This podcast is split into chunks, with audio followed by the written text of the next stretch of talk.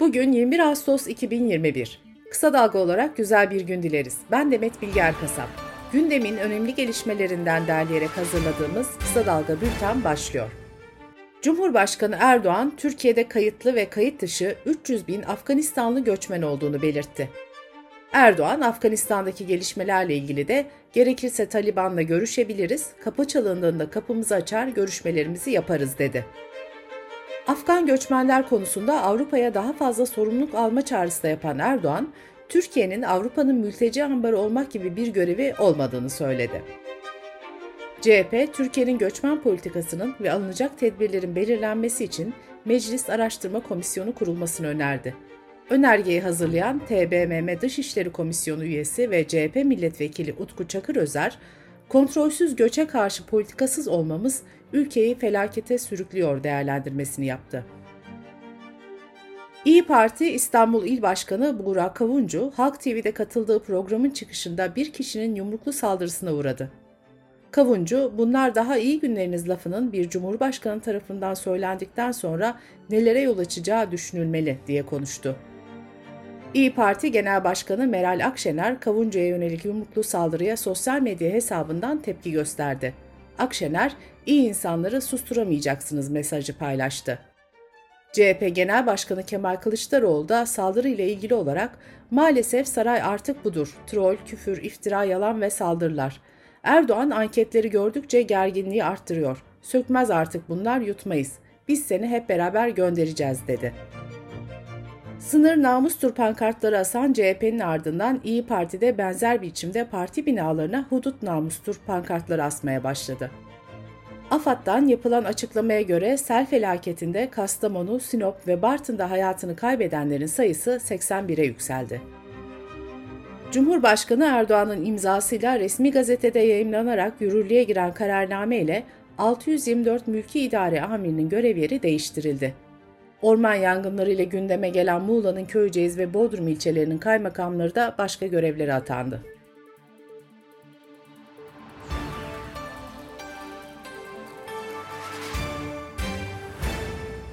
Cumhurbaşkanlığı Devlet Denetleme Kurulu'nun görev alanındaki kurum ve kuruluşlar arasına kooperatifler, birlikler ve bu kuruluşların her türlü ortaklık ve iştirakleri de eklendi. Bültenimize COVID-19 gelişmeleriyle devam ediyoruz. Sağlık Bakanı Fahrettin Koca, Türkiye'de Delta varyantının %90'ı geçtiğini duyurdu. Cumhurbaşkanı Erdoğan, aşı olmayanlar için uçak ve şehirler arası otobüs yolculuğu, konser, tiyatro, sinema faaliyetleri için test zorunluluğu getirildiğini açıkladı. Milli Eğitim Bakanı Mahmut Özer, 6 Eylül'de 5 gün yüz yüze eğitimin başlayacağını söyledi. Bakan Özer, maske, mesafe ve hijyen kurallarından taviz verilmeyeceğini vurguladı. Cumhurbaşkanı Erdoğan'ın açıkladığı bilgilere göre ise aşı olmayan öğretmenler, üniversite öğrenci ve çalışanları haftada iki kere test vermek zorunda. Sağlık Bakanı Fahrettin Koca bu testlerin devlet hastanelerinde ücretsiz yapılacağını bildirdi. Diyarbakır Tabip Odası'nın sosyal medya hesabından yapılan paylaşımda 24 saat içerisinde kentte 23 kişinin koronadan hayatını kaybettiği belirtildi. Pandemi sürecinde Sağlık Bakanlığı'nın geliştirdiği Hayat Eve Sağır uygulaması güncellendi. Uygulamaya giren vatandaşlar artık ekrana yeni eklenen AB uyumlu sağlık pasaportu seçeneğini tıklayarak AB uyumlu belgeye ulaşabilecek.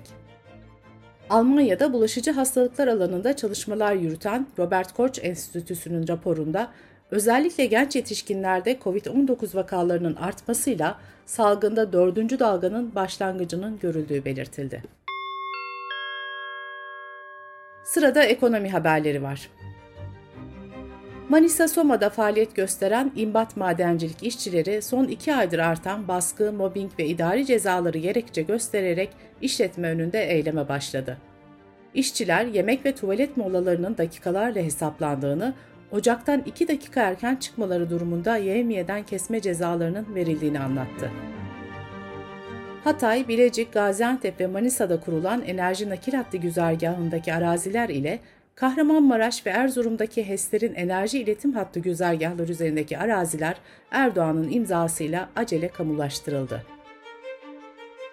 Sanayi ve Ticaret Bakanı Varank'ın 16 Ağustos'ta yayınladığı genelgeyle afetler için sanayicilerin yapacağı bağışların tek ibanda toplanmasına karar verildi.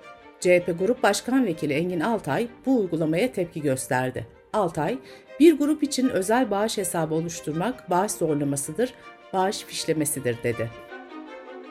Hazine ve Maliye Bakanı Lütfü Elvan, yılın son çeyreğinde enflasyon eğiliminin belirgin bir düşüş sürecine girmesini öngörüyoruz ifadelerini kullandı. Dış politika ve dünyadan gelişmelerle devam ediyoruz. Türkiye gazetesine konuşan Taliban sözcüsü Şahin, açıkça ilan ediyorum tüm ülkelerden daha çok Türkiye'nin dostluğuna, desteğine ve işbirliğine ihtiyacımız var dedi. Şahin ayrıca burka ve benzeri imgeler üzerinden Taliban hakkında bir karalama kampanyası yürütüldüğünü öne sürdü. Birleşmiş Milletler'e sunulan bir rapora göre Taliban, Afganistan hükümeti veya NATO için çalışmış kişilere yönelik insan avı başlattı. Raporda Taliban militanlarının ülkenin bazı bölgelerinde kapı kapı gezerek bu kişileri aradığı, bulamadıkları takdirde de aileleri tehdit ettiği aktarıldı. Afganistan'da gazeteciler ve ailelerin hayatı da tehlikede. Taliban, ülkenin batısında kapı kapı dolaşarak aradığı Deutsche editörünün yakınlarına silahla saldırdı. Almanya'da olan gazetecinin bir aile ferdi hayatını kaybetti, bir diğeri ağır yaralandı.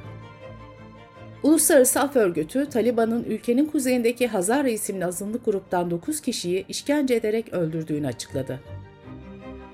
Reuters'a konuşan bir NATO yetkilisi, Taliban'ın yönetimi ele geçirdiği Afganistan'dan en az 18 bin kişinin tahliye edildiğini söyledi. Dünya Gıda Programı, Afganistan'da 3 kişiden birinin açlık tehlikesiyle karşı karşıya olduğu uyarısında bulunarak, yıl sonuna kadar 200 milyon dolarlık acil kaynağa ihtiyaç duyulduğunu açıkladı. Birleşmiş Milletler Çocuklara Yardım Fonu, iklim değişikliğinin doğrudan çocuklara olan etkisini inceleyen bir raporu yayımladı. UNICEF'in raporunda dünyada 1 milyara yakın çocuğun iklim değişikliğine bağlı afetlerin ve salgın hastalıkların tehdidi altında olduğu uyarısı yapıldı. Çin'de ailelerin 3 çocuk sahibi olmasına izin veren yasa değişikliğinin kabul edildiği bildirildi. Çin'de 1980'lerden itibaren uygulanan tek çocuk politikası nüfus artışını büyük ölçüde azaltmıştı. Zaman içinde bu azalış yaşlanan nüfus problemini ortaya çıkarmış, çalışma çağındaki nüfusun payının azalmasına yol açmıştı. Çin yönetimi 2016'da ise herkes için çocuk sahibi olma sınırını ikiye çıkarmıştı. Bültenimizi kısa dalgadan bir öneriyle bitiriyoruz. İlham Verisi programında Melis Tufur'un konukları Göçmen Kadınlar Dayanışma Platformu'nun kurucularından Pınar Erbaş Erdurmaz ve Esra Pencereci platformun hikayesini, amacını, kilometrelerce uzaklıktaki kadın dayanışmasını anlatıyor. Kısa Dalga.net adresimizden ve podcast platformlarından dinleyebilirsiniz. Gözünüz kulağınız bizde olsun. Kısa Dalga Medya.